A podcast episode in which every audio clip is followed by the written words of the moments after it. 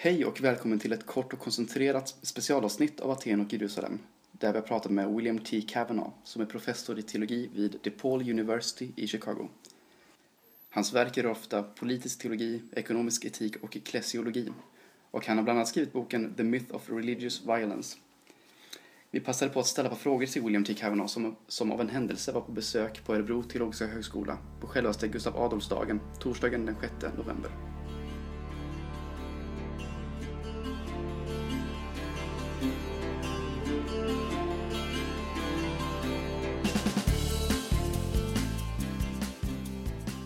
Today we celebrate in Sweden, or we commemorate Gustav II Adolf, who was a Swedish king uh, in, uh, I think, the 17th century.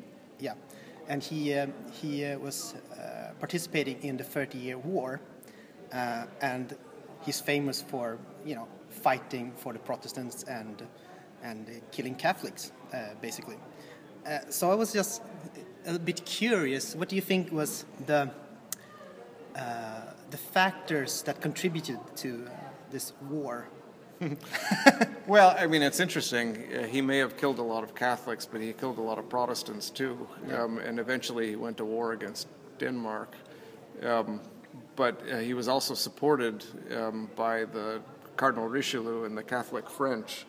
And so the usual presentation of Gustavus Adolphus as a kind of crusader for the Protestant cause is um, needs to be complexified, uh, to say the least. You know, um, the Thirty Years' War really ended up being a war between the two Catholic dynasties of Europe, the Habsburgs and the Bourbons. So to call that a religious war is, um, I think, uh, you know, it's it's oftentimes used as the example of a religious war where Protestants and Catholics were killing each other, and so the secular state has to come in and create peace.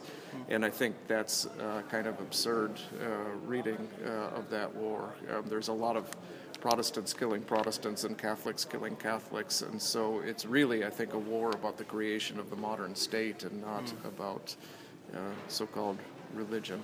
I have a whole chapter on this in my book, The Myth of Religious Violence. Mm you should check that out.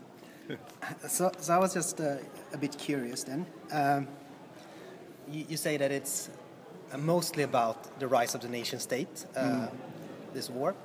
And how could you then, as a Christian or as a church, prevent this atrocity of Christian killings, killing other Christians in the name of, uh, of the nation state or power? Right. Is that do you have an, any idea about that? Well, I mean, the first thing that we need to do is get our loyalties straight. I think is that um, uh, we are Christians first, and Swedes or Americans or French or whatever second, um, and then have to be on guard against idolatry because really the nation can become a kind of idolatry. You know, there's been a lot of books written on nationalism as a type of religion, mm-hmm. and I think that's um, that's the the case in many instances. Carolyn Marvin argues that nationalism is the most powerful religion in the United States and other countries as well.